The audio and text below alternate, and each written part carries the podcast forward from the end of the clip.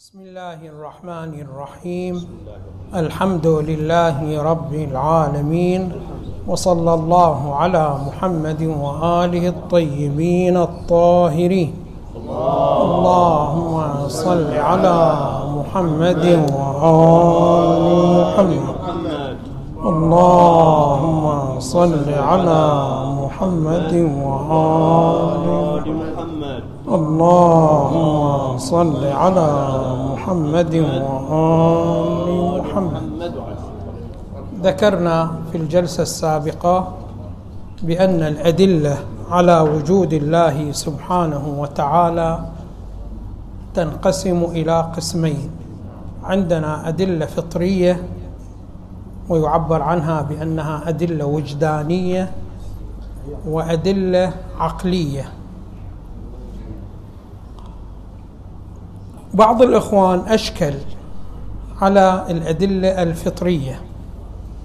قال أنتم تقولون بأن الله سبحانه وتعالى إذا ترك الإنسان وحده من غير مؤثرات خارجية فإنه يعتقد بوجود الله سبحانه وتعالى ويراعي وجود الله سبحانه وتعالى. واستدليتم على ذلك برواية واردة عن الإمام الصادق سلام الله عليه. مر أحد الأشخاص جاء للإمام الصادق فقال له دلني على ربي. فقال له هل ركبت البحر؟ قال نعم. قال هل عرضت عليك حاله بأنه السفينة غرقت وأنت تطلب من ينصرك وينجيك من الغرق؟ قال نعم. قال هذه القوة التي تعلقت بها هو الله سبحانه وتعالى. هذا هو عبارة عن الدليل الفطري.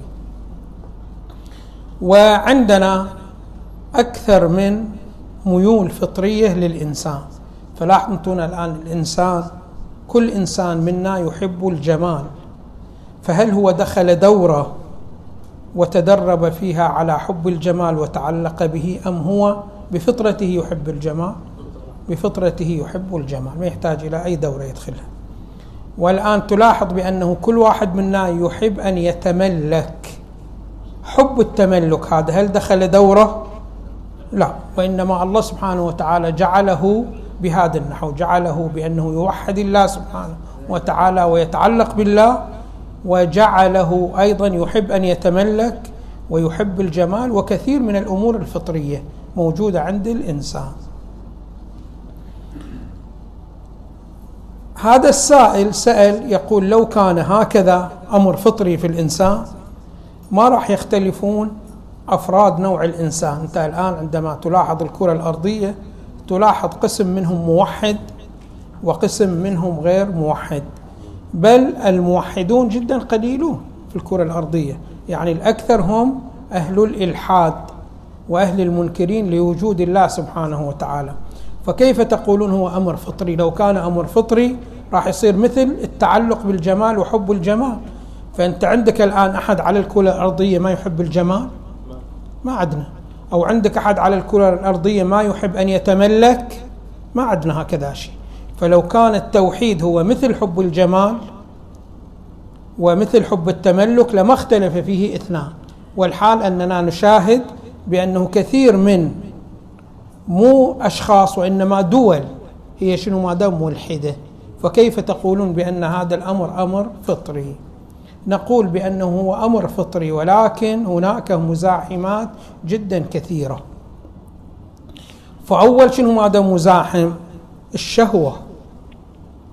فإنه الفطرة قد تأخذك إلى حيثية من الحيثيات. ولكن عندك شنو ماذا شهوة. الشهوة هم شنو ماذا تعارض هكذا الأمر. هكذا أمر. فمثلا أنت الآن لو فرضنا شخص من الأشخاص شاف شنو ماذا؟ فتاة جدا جميلة. فهو تعلق وأراد أن يتزوج بهذه الفتاة. خب نقول له ما عندنا مشكلة تتزوج بهذه الفتاة ولكن قبل أن تتزوج اسأل عن هذه الفتاة واسأل عن عائلتها وعن البيئة التي تربت فيها. ففي بعض الأشخاص يروح يسأل وكل هالأجوبة أمور سلبية. يسأل عن هذه الفتاة معروفة بالسقوط الأخلاقي. يسأل عن أهل الفتاة معروفين شنو ماذا؟ بعدم التربية السوية إلى هكذا. يسأل عن الثقافة التي هي دارسينها كل الأمور سلبية. مع ذلك هو شنو ماذا؟ مصر على شنو ماذا؟ على الزواج. هذا شنو ماذا يقولون؟ غفل عن الأمور الصحيحة وتعلق شنو ماذا بالشهوة فشهوته هي التي تحركه. شوفوا الآن النبي صلى الله عليه وآله عندما جاء إلى اليهود والنصارى في زمنه كلهم يعرفون أنه نبي وهو على الحق. وكانوا إذا صارت بيناتهم وبين بعض المشركين معاملة فكانوا شنو ماذا يهددون المشركين؟ يقول لهم قرب إرسال نبي وراح شنو ماذا ننصره عليكم.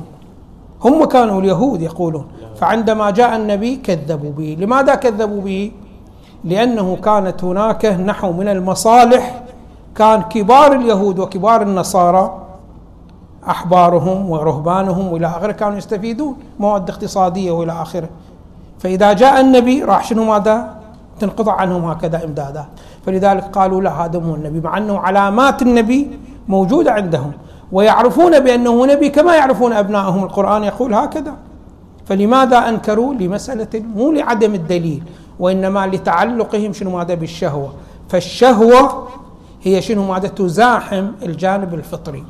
هاي من ناحية. من ناحية ثانية البعض شنو ماذا؟ عنده أمور عصبية. فمثلا أنت عندك بعض المشركين لأنه متعصب إلى أبوه وأبو أبوه وعشيرته وعشيرته كانت تعبد هكذا صنم. النبي صلى الله عليه وآله يريد يصرفهم عن عبادة هذا الصنم. فهو في أمر فطري ولكن شنو ماذا؟ العصبية هي شنو ماذا؟ تنافس هكذا أمر. والبعض الآخر اللي عنده بعض أمراض نفسانية. فمثلا عندك بعض الأشخاص يعيشون حالة اضطهاد في صغرهم. إذا كبروا يريدون شنو ماذا؟ يريدون يعوضون على هذه الأمور. فإذا كان هو كله تابع في بدايات حياته يريد بعدين يصير شنو ماذا؟ رأس. فيقول لك أنا الآن إذا جاء النبي صلى الله عليه وسلم أمرني بشيء. واضح شلون؟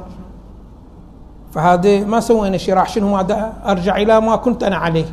فكنت أنا دائما أنا مطيع ودائما أنا تابع. الآن هذا يطلبني شنو؟ ماذا أنه أصير أنا تابع إليه. فهذه تصير ردة فعل يقول لك لا بعد ما أريد أتبع أحد وإنما أتبع فقط شنو؟ ماذا؟ فكري وذهني. هذا خب عنده مرض شنو؟ ماذا؟ مرض نفسي.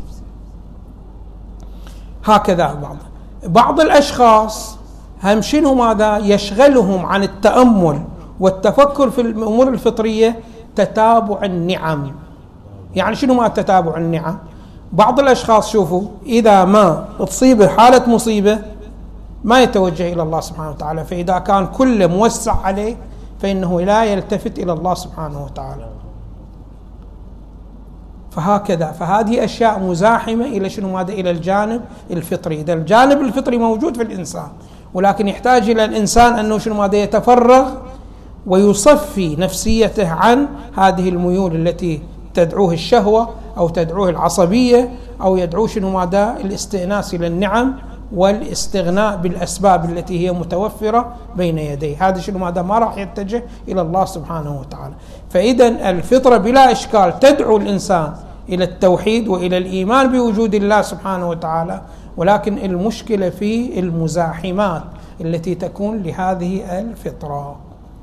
هذا شنو؟ ماذا؟ بالنسبة إلى استفسار أحد الأخوة.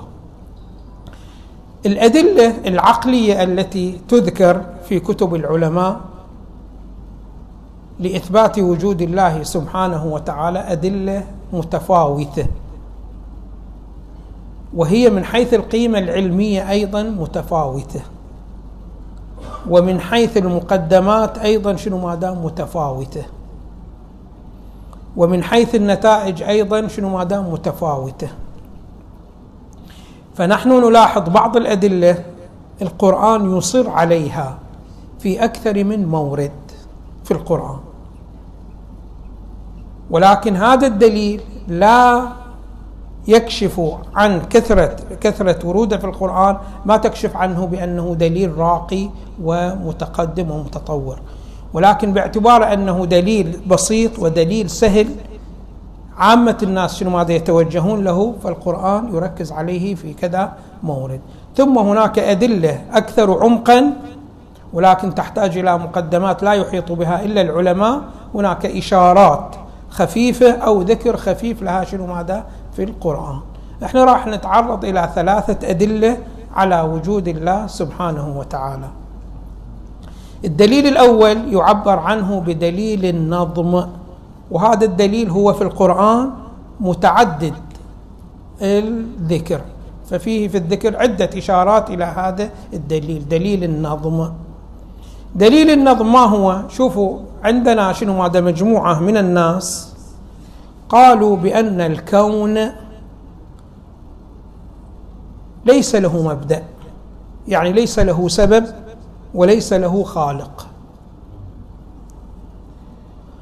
وإذا كان له خالق فهذا الخالق ليس له علم وليس له حياة وليست له إرادة وليست له قدرة.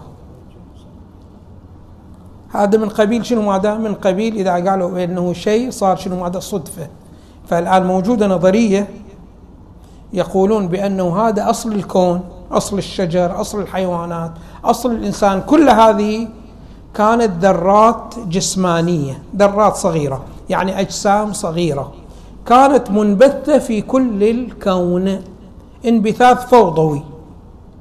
شلون أنتم الآن إذا عندكم الشمس تدخل من نافذة تشوفون شنو مال ذرات الغبار متناثرة؟ واضح شلون؟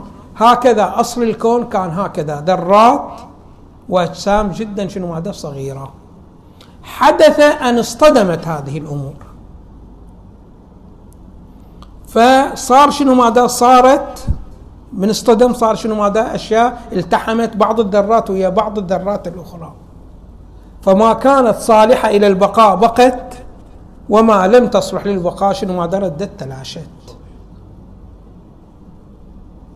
فهذا الإنسان بهاي الصورة بهذه الصورة بهذا النحو فما عندنا خالق خلق الكون. وإنما الكون يرجع إلى شنو؟ هذا ذرات متناثرة. ثم حدث أن اصطدمت هذه الذرات مع بعضها البعض فشكلت أجسام. شكلت جسم الإنسان شكلت جسم الشجر شكلت جسم السماوات جسم الأرضون وإلى آخره بهذه الصورة بهذا النحو. فما صلح إلى البقاء بقى وما صلح إلى لم يصلح للبقاء تلاشى بهذه الصورة بهذا النحو. فإذا لا تقول لي بأنه هذا الكون يرجع إلى ماذا؟ إلى خالق. هذا الخالق يتصف بحياة حي وعالم وقدير. لا ما موجود هذا الشيء. خب هذا شنو ماذا؟ ذكر لهم دليل النظم. دليل النظم فقط يبين بأنه يستحيل أن يكون هذا العالم حاصل وناشئ من ماذا؟ من صدفة أو شنو ماذا؟ أو هكذا انفجار عظيم في الكون وحصلت هكذا أو ذرات كثيرة وإلى آخر الشكل. هاي كلها ما يمكن. لابد أن يكون هناك مبدأ للعالم. مبدأ للعالم هذا يتصف بالقدرة والحياة والعلم. فإنه نحن إذا تأملنا في هذه الأمور التي هي موجودة. والآن التأمل جدا شنو هذا جدا؟ يسير وجدا شنو هذا سهل. يأتون شنو ماذا بمثال؟ يقولون أنت لو فرضت الآن شنو ماذا؟ رسالة. الرسالة كما تعلمون هي مكونة من جمل وكل جملة مركبة من كلمات وكل كلمة مركبة شنو ماذا؟ من حروف. الآن أصل الكلام يرجع إلى شنو ماذا؟ إلى الحروف. فلو جئنا بطفل وهذا الطفل قام شنو ماذا؟ يكتب حروف حروف. حروف عدة. يكتب هنا كاف هنا صاد هنا ميم هنا جيم هنا هكذا. تعلمون بأن الحروف ما لها معاني. خو. ثم فيما بعد هذه الحروف تحولت إلى رسالة. فأنت إذا جيت وقلت من كتب هذه الرسالة؟ أقول لك ما حد كتب هذه الرسالة وإنما كل ما هناك أن هذا الطفل كتب شنو ماذا حروف؟ ثم هذه الحروف اصطدمت مع بعضها البعض وحدثت كلمات ثم هذه الكلمات هم اصطدمت اصطدام ثاني حدثت جمل الجمل هم صار لها اصطدام ثالث صار شنو؟ ماذا موضوع للرسالة. عقلك هل يقبل هذا الأمر؟ ما يقبل. لماذا؟ لأنهم يقولون الآن هذه إذا اصطدمت وكونت لنا الموضوع بمقاصد معينة هل هذه المقاصد التي دل عليها الموضوع الحروف ما يمكن أن تدل على مقاصد أخرى إلا فقط على هذه. يعني الآن مثلا لو فرضنا شنو ماذا؟ هذا الموضوع الرسالة كان شنو ماذا؟ صفقة تجارية. أو موضوع الرسالة موضوع اجتماعي. الآن هذه الرسالة التي دونت يمكن أن تدل على موضوع اجتماعي ويمكن أن تدل على موضوع اقتصادي ويمكن أن تدل على موضوع سياسي. فلماذا هذه الحروف وهذه الكلمات وهذه الجمل ما دلت إلا على شنو؟ ما دل على موضوع سياسي مع أنه هي يمكن هكذا ويمكن هكذا ويمكن هكذا ويمكن هكذا. فلماذا تعين خصوص هذا الشيء؟ هذا لابد أن يكون الذي رتب الحروف والكلمات والجمل أراد شنو؟ ماذا موضوع معين. وحتى يريد هذا الموضوع المعين لابد أن يكون فيه حياة وفيه شنو ماذا شعور وفيه قدرة وفيه علم. فما يمكن يعني العقل ما يمكن أن يقبل بهذه الصورة. ولذلك تلاحظون القرآن في كذا مورد يدعو الإنسان إلى النظر في السماوات ويدعو إلى النظر شنو ماذا؟ في الأراضين. كل ما نظر الإنسان في هذه الأنظمة الحاكمة فإنه يزداد ماذا؟ يزداد إيمانا بالله سبحانه وتعالى. كل ما شنو ماذا؟ نظر. هذا يعبر عنه شنو ماذا؟ بدليل النظم.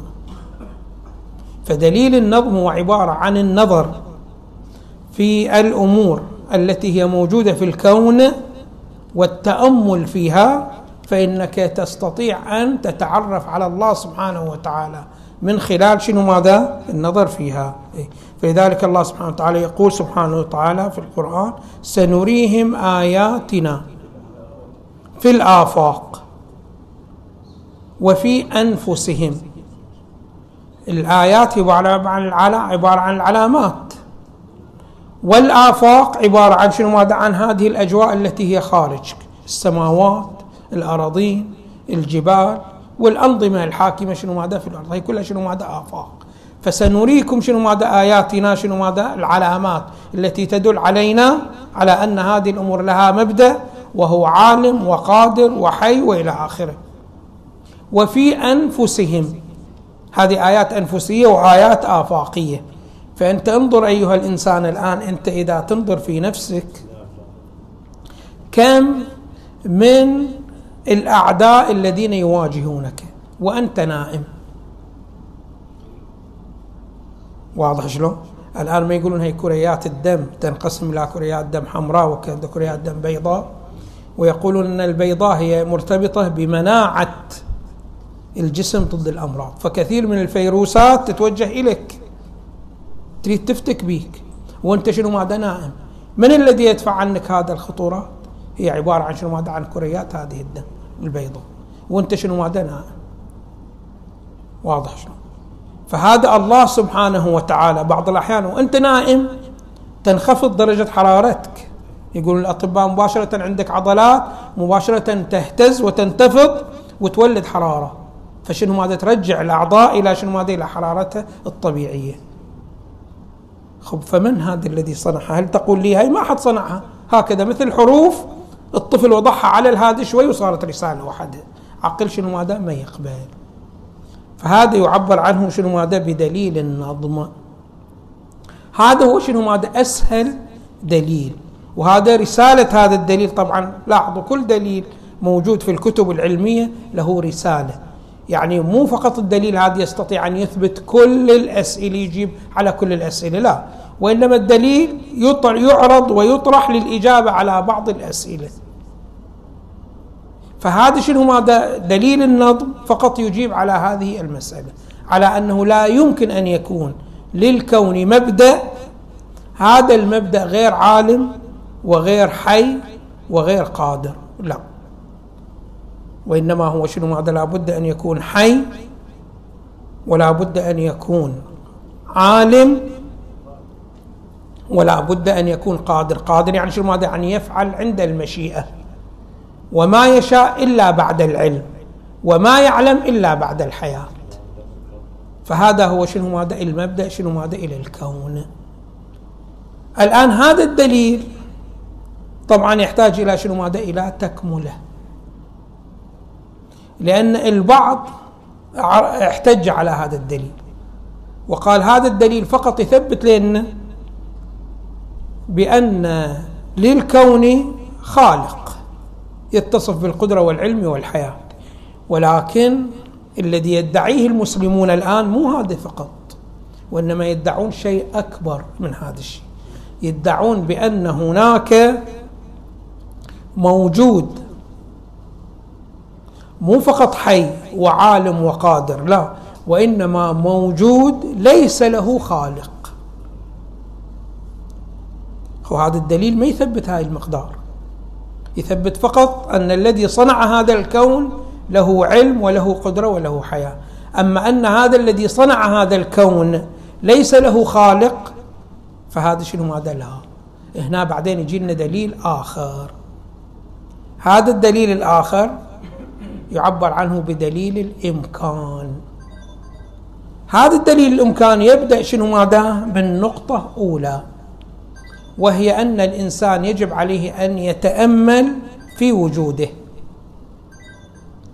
إذا تأمل الإنسان في وجوده فإنه ينتزع عنوانين. كل واحد منا يرجع شنو ماذا؟ إلى نفسه. العنوان الأول بأنه موجود الآن. كل واحد من عندنا شنو ماذا عندما ينظر إلى نفسه يقول أنا موجود. هذا عنوان.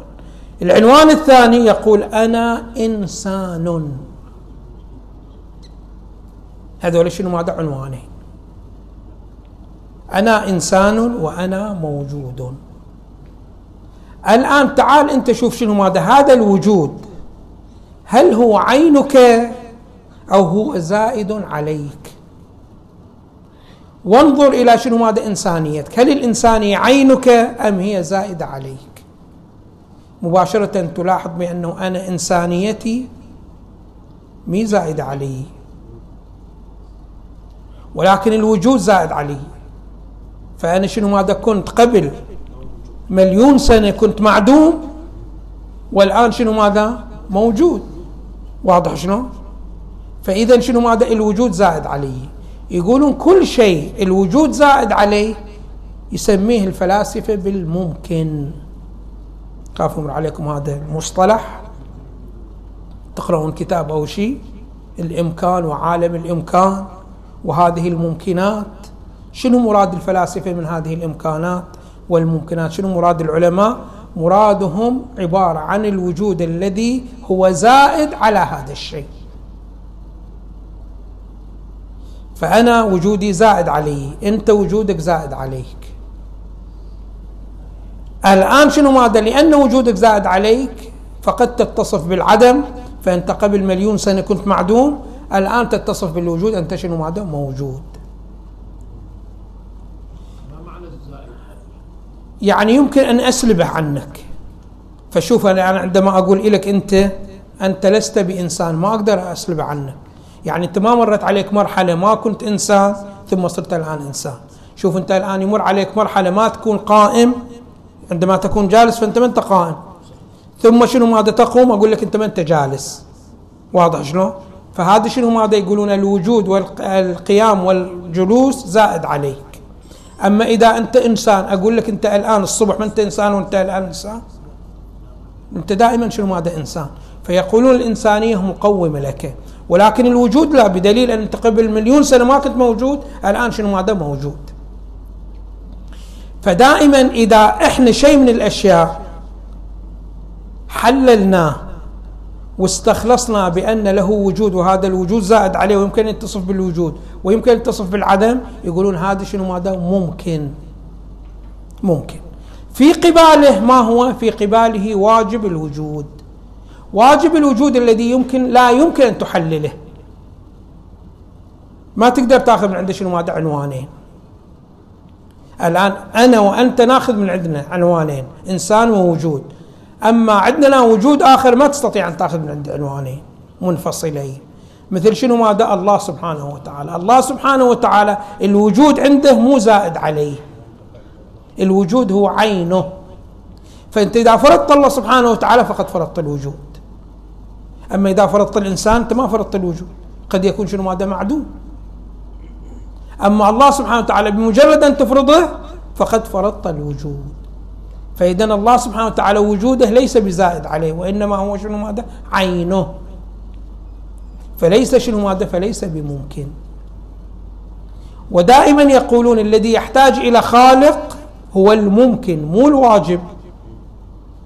فلاحظوا أنتم الآن هذا السؤال كثير من الآباء يجيبون يقولون أولادنا يسألوننا إذا الله سبحانه وتعالى خالقنا فمن خلق الله؟ وش نجاوبهم؟ آه.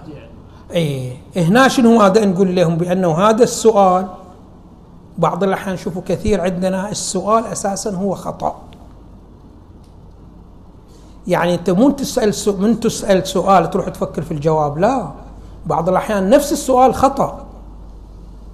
فالجواب عليه يكون شنو ماذا أشد خطأ منه. هنا عندما تقول بأنه إذا إحنا موجودين والله سبحانه وتعالى خلقنا. فالله سبحانه وتعالى من خلقه؟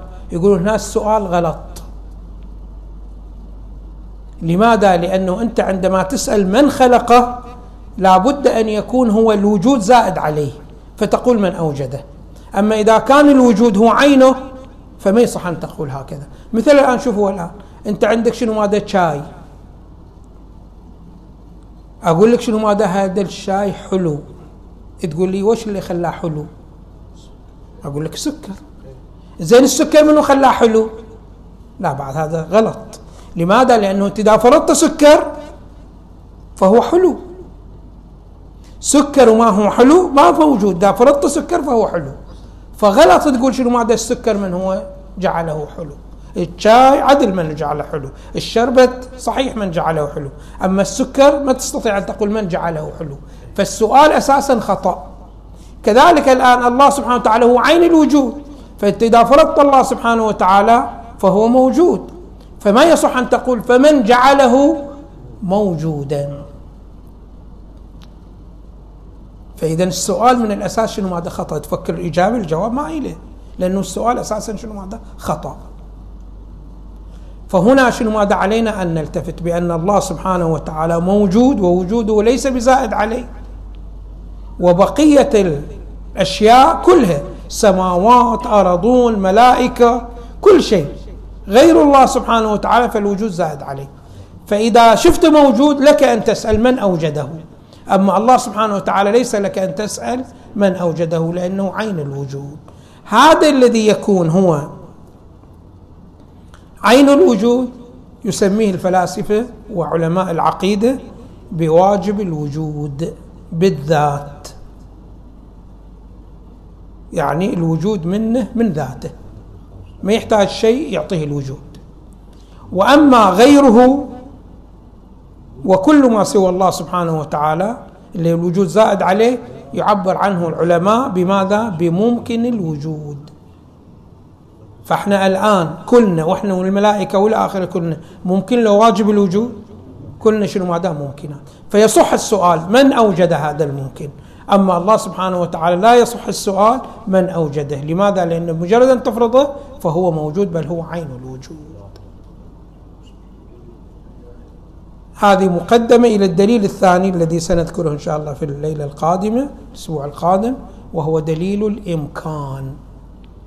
أخذنا دليل النظم يأتي دليل الإمكان.